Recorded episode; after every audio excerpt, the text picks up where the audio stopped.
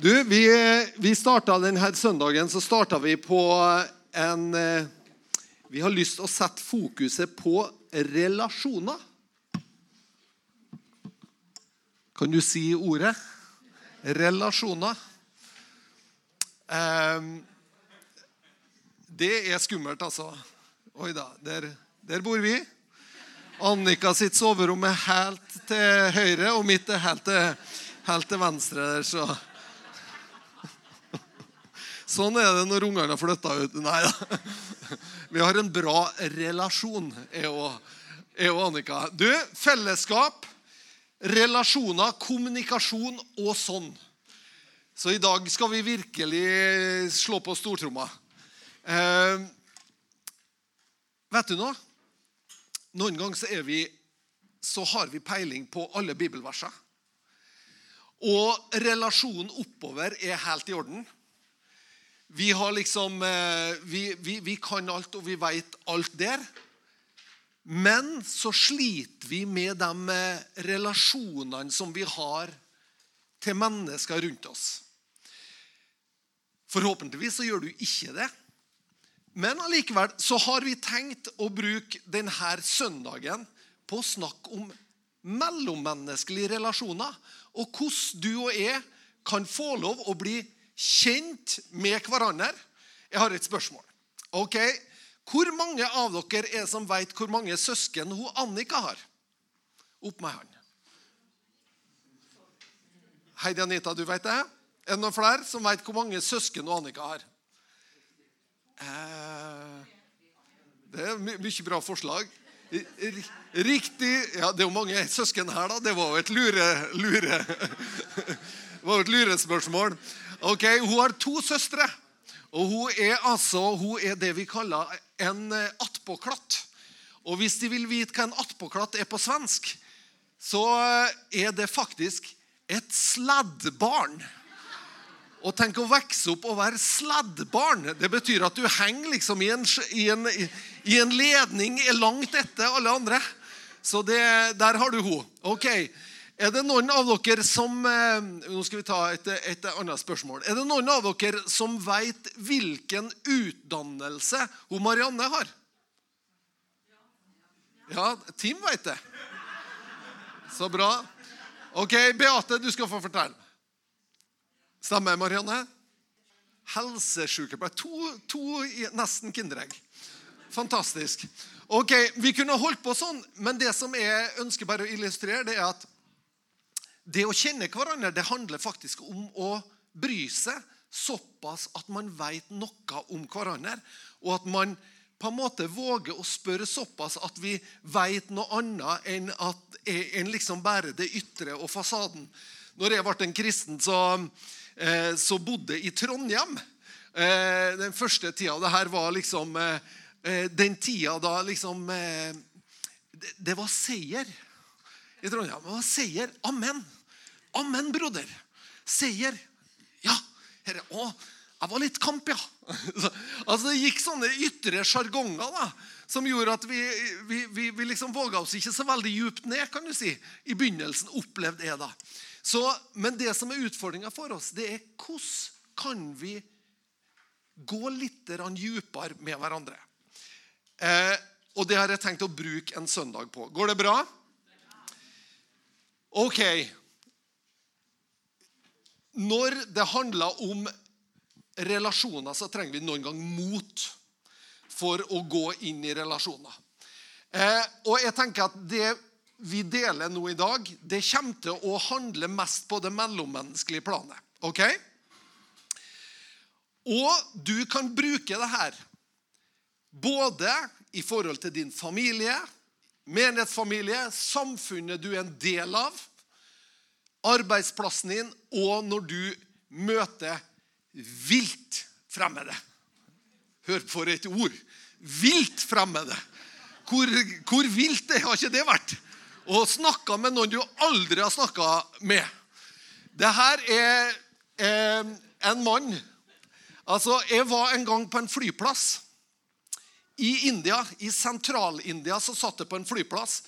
Og på den flyplassen jeg var sammen med et team, så jeg hadde noen gode venner sammen med meg som jeg kunne sitte sammen med og drikke kaffe og kose med mens vi venta på flyet. Men så fikk jeg se det jeg kaller en lakengubbe.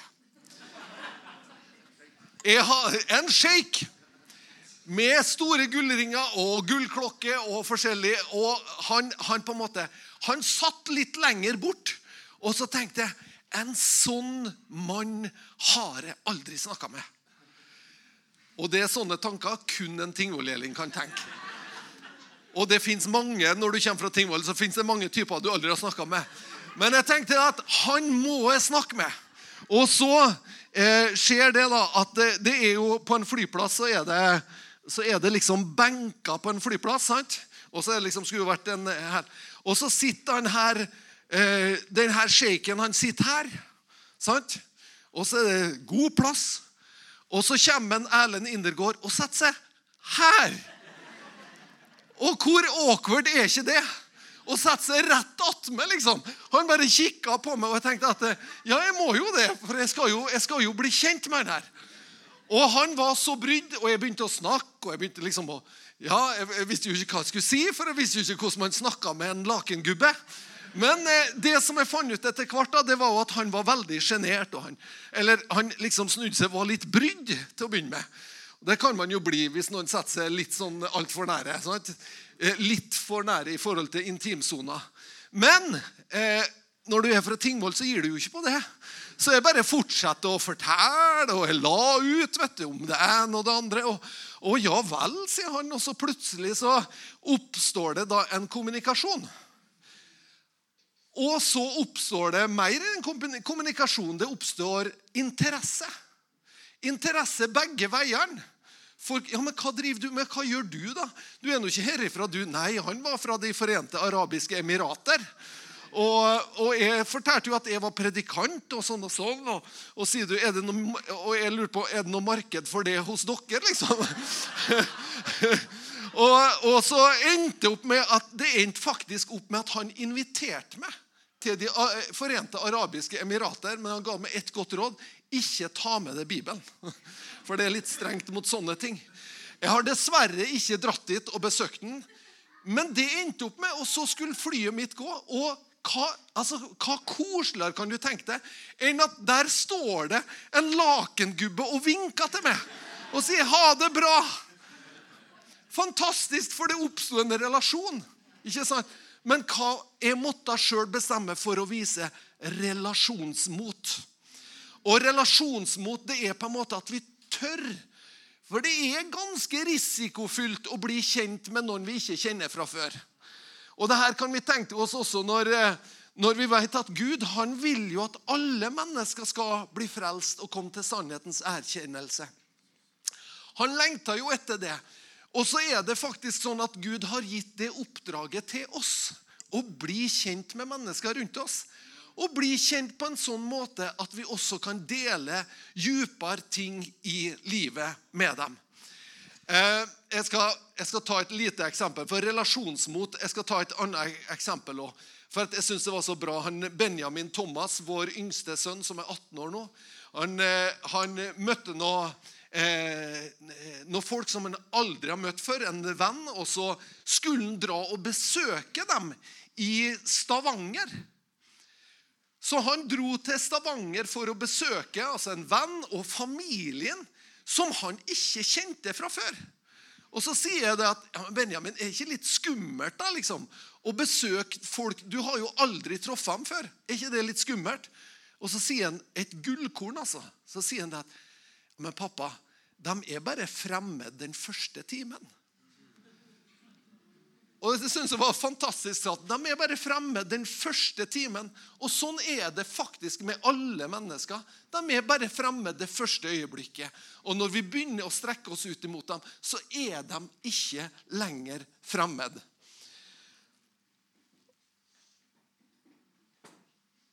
Hvordan kan vi ære mennesker når vi snakker med dem?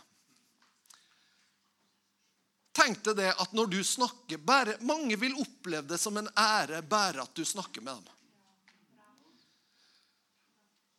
Det fins mange som f.eks. eh, er nye landsmenn i Norge. Mange av dem opplever f.eks. det at jeg har aldri snakka med en nordmann før. Jeg har bodd her i fem år, men jeg har aldri snakka med en nordmann før. Det er ganske mange som har den opplevelsen.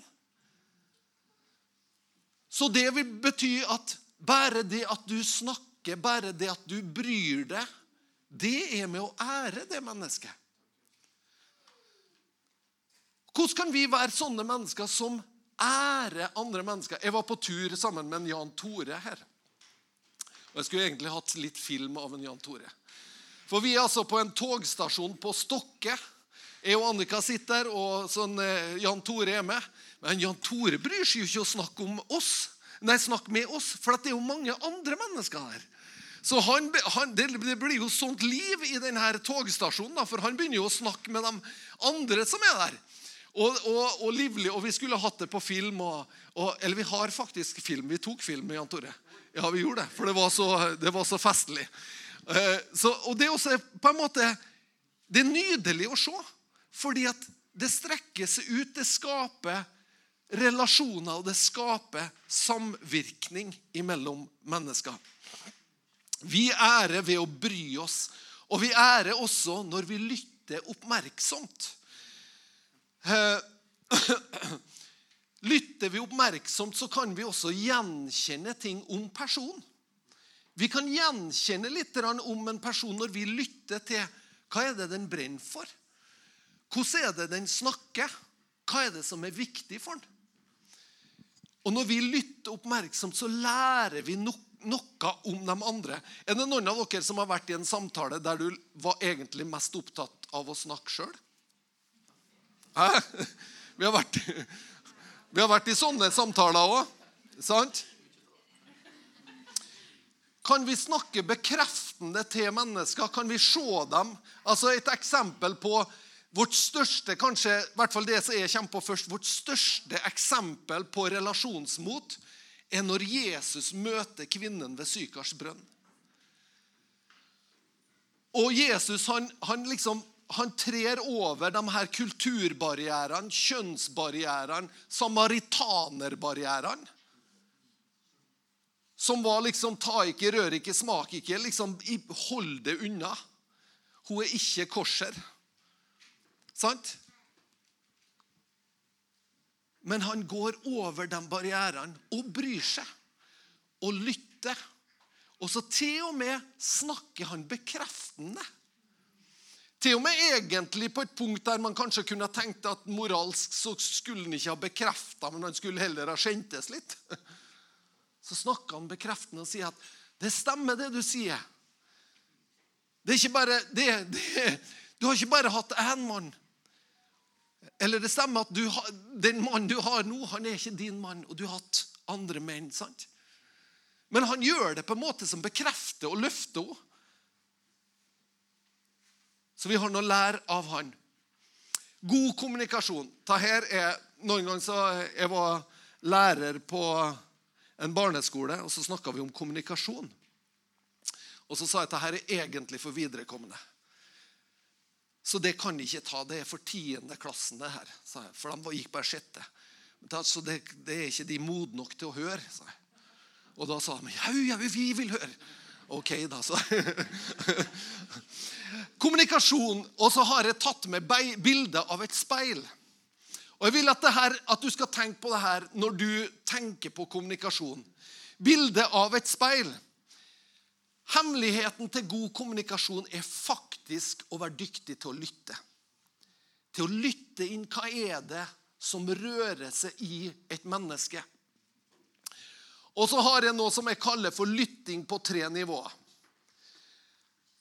Det første og liksom det, det, det grunneste vi, vi, har lov å, har lov å på en måte rangere dem nå. ok?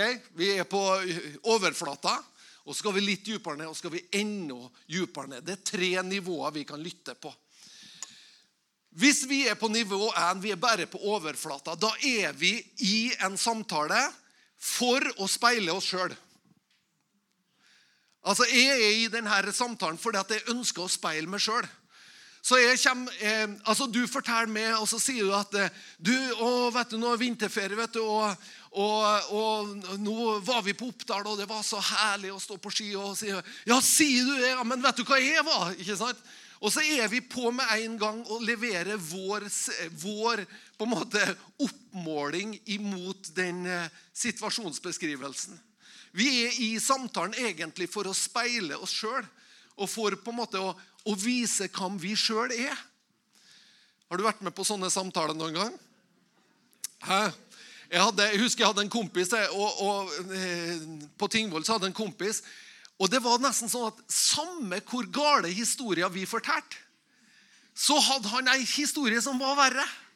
Så det syntes jo vi var så festlig, så vi, etter hvert så dikta vi opp historier. Så, å, du skulle sett vi var der og der, og det, det skjedde. Og han vet du, wow! Så han tok jo helt av, da. Og vi liksom bare, og vi la jo opp historien. Vi lurer på hva han forteller nå etter denne helga, liksom, når vi forteller her. Og, ja, så sånn var det. Men mange ganger så er vi faktisk på det nivået med mennesker. Vi er i situasjonen, vi er i samtalen, og vi sitter egentlig og venter på når blir det min tur. Hæ? Prøv det med Jan Tore. Når blir det min tur? Men du skal være klar over det spørs hvor mye tid du har disponibel. Og, det, og da må du forstå hvor slik at du når ja. Fantastisk, Jan Tore. Vi elsker det. Veldig bra. Så, vi, så jeg vil oppfordre til at vi kan lytte litt dypere enn det. Og lytter vi på nivå to, da er vi litt dypere nede. Da lytter vi oppmerksomt. Da lytter vi til det du forteller. Da lytter man bekreftende. Da, 'Å ja, sier du det?' 'Å ja, så spennende.' 'Wow.' Nei, men var på Oppdal? Ja, men hvor bodde de da når de var på Oppdal? Oi, så familien har ei hytte? Å, det visste jeg ikke. Ja, men så spennende. Har de hatt den lenge, da?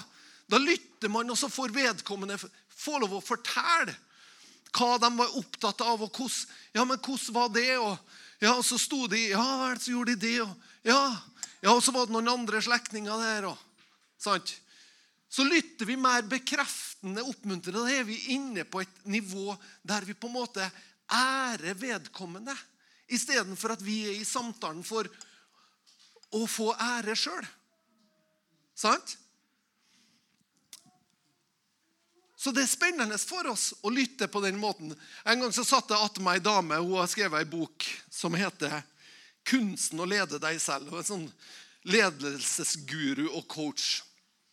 Og Vi satt på et fly fra Reykjavik til Fornebu den gangen. Og, og så Når vi satte oss ned, så satt jeg og hørte på henne. Og tenkte hun er en spennende dame å høre på. Og, og så hørte jeg, og så sporet litt, og så sa jeg ja. Og så, ja, ja vel, og ja, sier du det? Og så bare satt og lytta på. Og når vi landa på Fornebu, så sa hun tusen takk. Det var den mest fantastiske samtalen jeg har hatt på lenge.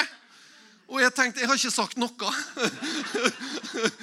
Men da hadde hun et behov for å bli speila, for å få lov å dele og for å få lov å, å gi noe ut. Det var sikkert det som var behovet hennes der og da. Og jeg fikk lov å være den sparingspartneren som bare, bare serverte ballen tilbake. Nivå nummer tre. Da lytter vi enda mer oppmerksomt. Da lytter vi på djupet. Da lytter vi bakom orda. Ja, De var på Oppdal, og så var det noen andre av slektningene som var der. sa du, Men du virka ikke som du var så glad i stemmen når du snakka om det. Er det noe som har skjedd? Ja, du skjønner det at Foreldrene mine de holder akkurat på med en skilsmisse. Eller, skjønner du? Da lytter vi bakom orda. Da lytter vi bakom, da lytter vi etter hva er det som rører seg bakom det her. Jeg ser at når du sier det, så blir du så glad. Hvorfor blir du så glad når du snakker om det? Ja, men du skjønner at når vi gjør sånn, så er det alltid wow, sant? Når vi lytter til mennesker, når vi lytter litt på djupet, så får vi tak i både smerten og gleden. Og det kan vi lære oss å bli flinkere til. Kanskje vi kan øve oss til å bli flinkere til det. Jeg trenger å bli flinkere til det. Jeg er sånn, jeg er sånn type som når jeg kommer på i et selskap så er det, det er mer sånn Når jeg kommer på et selskap, så er det mer sånn I'm coming up. So you better get this party started. Altså, da, da, da liksom Jeg liker at det tar av litt, da. ok? At det blir litt stemning, i hvert fall. Sånn.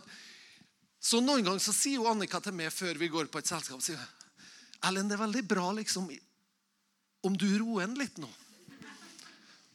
Du trenger ikke å gå inn sånn, liksom, og så, så klarer jeg det noen gang. Men for min del så må jeg være bevisst på at det ikke skal ta over. Mens andre trenger å være bevisst på at du får faktisk lov å ta litt plass. Så vi er veldig forskjellige som personer. Du får lov å ta plass. Det er helt i orden at din stemme høres. Det er veldig bra at din stemme høres. Vi er forskjellige. Noen av oss trenger å dempe oss. Andre trenger å våge å slippe til. Noen vil høre de historier. Noen vil lytte på dypet til det. Både det som er verbalt, og det som ikke er verbalt.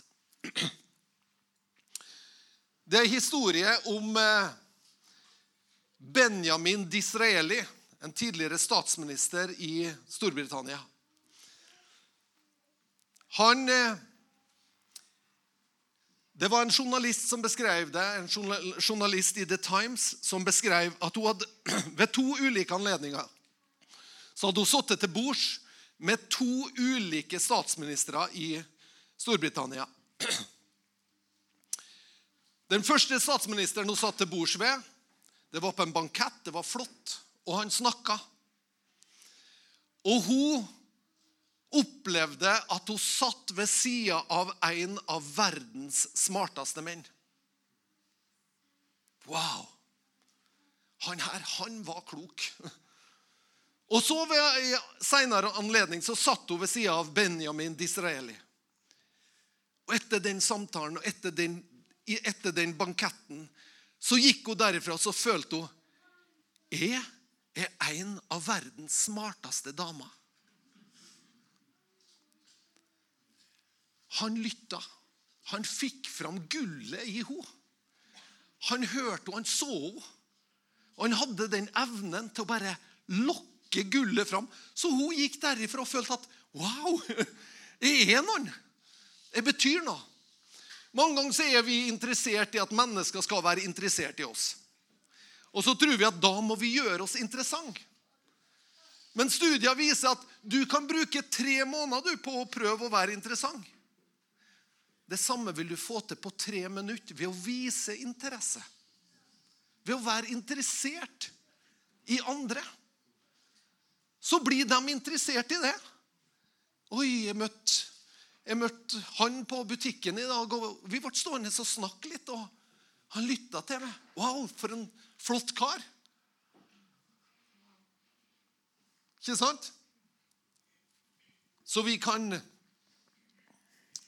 ei dame som heter Danny Johnson.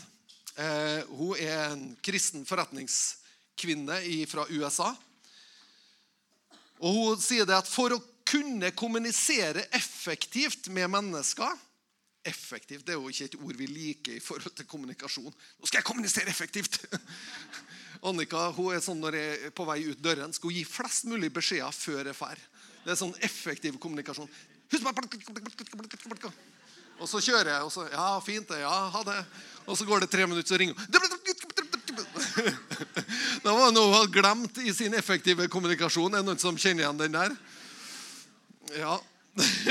Edvard, det var godt å se handa di, i hvert fall. Eh, men for å kunne kommunisere på en god måte, da, for å kunne kommunisere godt, må vi forstå hva mennesker vil, og hva de trenger, og hvordan de kommuniserer. Altså, Jeg vet ikke om eh, Jeg husker en gang jeg skulle kjøpe meg en, en, en forsterker. Og Så kom jeg inn på Elkjøp i Kristiansund. Og der ble jeg møtt av en, og han hadde sånn peiling på forsterkere. Han, altså, han hadde sånn peiling, og det var megahertz, og det var ditt og datt. og Det var, det var altså fantastisk altså, hvor mye går an å vite om en forsterker. Og jeg bare Det ble for mye. Så jeg bare rygga ut. For det som jeg lurte på, det var liksom noen enkle ting. Så jeg hadde jo tenkt å kjøpe meg en forsterker, men den her, og så gikk jeg derfra og tenkte at denne forsterkeren kan jeg jo ikke kjøpe, for jeg kommer jo aldri til å få peiling på det her. Så jeg hadde på en måte Målet mitt var å kjøpe en forsterker, men kommunikasjonen hans gikk totalt over hodet på meg. Igjen så kommer jeg fra Tingvoll og ber om unnskyldning for det. Men vi trenger å vite noe. Hva er det mennesker har behov for? Hva er det de trenger? Ok, og Jeg skal ta med noe annet som Danny Johnson har vist meg. Dette er veldig mellommenneskelig, men det er til hjelp når du skal begynne å kommunisere med folk. Så har du noe som heter form, og det her er på engelsk, så jeg ber om nåde til å få lov å oversette. Dette er på en måte en vinkling du kan kjøre i forhold til å vise interesse for mennesker. Familie, occupation eller yrke, eller hva driver du med? Recreation, hobbyer, fritidsinteresser. Hva gjør du når du skal slappe av? Mission. Da kan det være enten din mission. Hva ønsker du å oppnå i samtalen? Hva ønsker du å komme med? Hvis vi skal berøre mennesker med evangeliet i en samtale, så kan du forme samtalen sånn at du kommer til et punkt der det faktisk er naturlig å bringe evangeliet inn. Eller å høre hva de brenner for. Hva det, men hva brenner du for? Når du i en samtale rører det her Og så trenger det ikke være akkurat ja, men jeg må spørre om familien først, og så yrke. Det er Kanskje de treffes på jobb. Sånn at det er naturligere å snakke om yrke først. Men så kan man du vet at Så fort du er i en yrkessammenheng, og noen begynner å stille spørsmål om familien din, da er det med en gang et knepp dypere, er det ikke det? Når noen bryr seg, når noen plutselig vet da, at hun Annika har to søstre, og vet at hun Marianne hun er, hun er helsesykepleier Og vet litt, sant? Når vi vet litt om hverandre, da oppdager vi også hvilke styrker har vedkommende hvilke interesser, hvilke mål og hvilke behov. Har du tenkt på at det kan du faktisk forstå ganske fort i en samtale? Du kan lære noe om mennesker når du er i samtalen. Og så snakker vi om det. Ok, Hvordan er det med familien din? Jeg skal bare gi deg noen eksempler her. Er du gift? Hvor lenge har du vært gift? Har du barn? Hvor mange barn har du, og hvor gamle er dem, da? Det er ganske basic, ikke det? Men når du stiller dem her spørsmåla, så plutselig så merker du litt hva er som er viktig for dem. Går de på skole her? Hvor lenge har du bodd her i området? Hvor er du oppvokst? Er familien din herfra? Hva liker du med å bo her i området? Ja, jeg liker at det er så bra fritidsmuligheter. Sant? Yrke. Hva arbeider du med? Eller hva driver du med? Kanskje bedre et spørsmål. Noen kanskje er imellom jobber. Ja, men hva liker du med det, da? Hva liker Klaus? Hva liker du med å være bonde?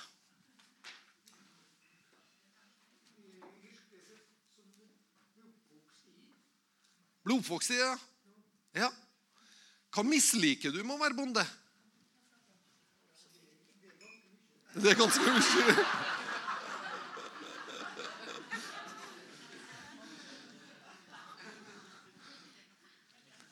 Vet du noe? Bare det enkle spørsmålet gjør at alle vi nå lurer på hva, tror, hva jeg egentlig misliker med å være det. Sant? Da blir vi oppmerksomme, og så plutselig nå, vet du hva? Nå sitter folk på andre enden av, bordet, eh, av salen her som gjerne ville hatt en prat med det. Simon blant annet, han driver og skal ta over en gard.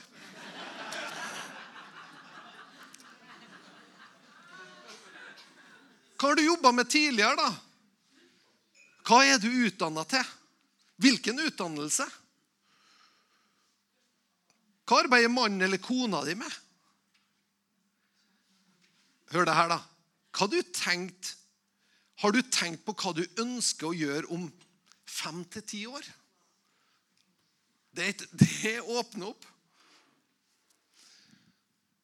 Hva er det som betyr noe? Hva er det som gjør at du trives i den jobben? Når, når, når, noen svarer ja, da får jeg virkelig vise hva jeg er god for. Da vet du litt mer, ikke bare om hva den er god for, men du vet også om hvilken personlighetstype er det Jeg elsker en her på jobben. her. Det er så bra, det er så bra kollega. Og alle som er her, vi har jobba her i, i, i 20 år, liksom. Det er så trygt. Vi veit hva vi har. Det, altså Svarene sier så mye om den personen du snakker med. Hva med det egentlig? Er det noen som er veldig ordensom eller ordentlig? Er det noen som Altså, Bare du kommer inn på et kontor Det er ganske mange forskjellige kontor. Altså, Man kommer inn på ett kontor, og det er papir overalt. Men hvis du spør dem vedkommende om noe, så vet han at tre inch ned i den bunken, der ligger det. Så det trenger ikke bety at det er uorden. Men så kan du komme inn på et kontor også der alt er strigla. Og det er liksom sånn eh, kontorpultmatte. Og så ligger blyanten akkurat parallelt. Og så ligger det et blankt ark. Det sier også noe om personen. Hvordan er det å ta et menneske i handa? Jeg tror på å ta mennesker i handa. Når vi tar hverandre i handa, da skapes det kontakt. Og så vet vi jo at den enkelte kulturer så gjør de sånn. Det har vi jo lært. Så det er jo bra. Og det er også respektfullt. Så det må vi også godta. Yrke, den var vi på. Fritid. Hva liker du å gjøre når du skal ha det kjekt? Liker du å reise? Hvor ville du ha reist? Trener du ofte? Det skal man kanskje ikke spørre. Burde du trene oftere? Nei. Hvor lenge har du spilt tennis? Reiser du i jobben eller på fritida? Fisker du i ferien, eller er du pensjonist? Ja. Mission eller message? Hva brenner du for? Basert på det du har hørt i samtalen, kan du levere ditt budskap. Kanskje noen har da avdekka et behov. Ja, jeg har bodd der i 14 år nå, og jeg har egentlig ikke blitt kjent med noen skikkelig.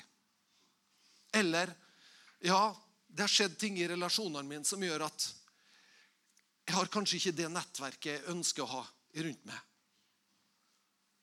Plutselig så er det kanskje ei åpning for å invitere inn. Invitere inn i fellesskapet. Eller en kopp kaffe. Har du noen gang tenkt på at eh, Gud er relasjonell? Gud er tre i i én. Tre enig. Og så er Gud kjærlighet. Og karakterstrekket på Guds kjærlighet, det er at det er agape. Den er utgivende. sant? Og vet du nå, Det har vært umulig for Gud å være kjærlighet hvis den ikke har vært tre. For kjærligheten er umulig uten at den har en mottaker. Så Gud er relasjonell. I vår tid så er det et stort problem med ensomhet. Mange mennesker er svært ensomme. Og jeg tror ikke Jesus sin eh, karakteristikk Der kom det. Når han sier at han så folket i Matteus 9, så står det at han så folket. Da fikk han, da fikk han inderlig medlidenhet med dem. For de var herja og forkomne som får uten hyrde. Når mennesker er ensomme, så har de behov. Og vi kan være med å møte behovene til mennesker. Vi kan være med å se mennesker. Vi kan være med å strekke oss til dem. Og vi kan også være rause og inkludere. Jeg syns vi skal legge merke til Jeg syns det er så flott å se Serai og familien til Sarai, som er her hver søndag og beriker fellesskapet vårt. Og alle andre også som kommer til å berike. Og La oss være sånn at vi tar imot, og vi innlemmer, og vi ser hverandre. Hvordan kan ei kirke vokse? Det som er helt sikkert, det er at ei kirke som ikke bryr seg om mennesker, vil ikke vokse. Men ei kirke som bryr seg om mennesker, og som ser dem, og som våger å være Guds øyne, som våger å Når vi sier å gå ei ekstra mil, sant? så er det noen ganger akkurat den følelsen du har når du må strekke det litt lenger. Når du må trø over de her bekvemlighetstersklene våre for å bry oss om noen andre. Så hvis vi som kirke kan få lov å bli gode på relasjoner, så tror jeg også at det blir en attraktiv kirke. Og jeg tror at vi er gode på relasjoner mange ganger. Vi er i hvert fall gode på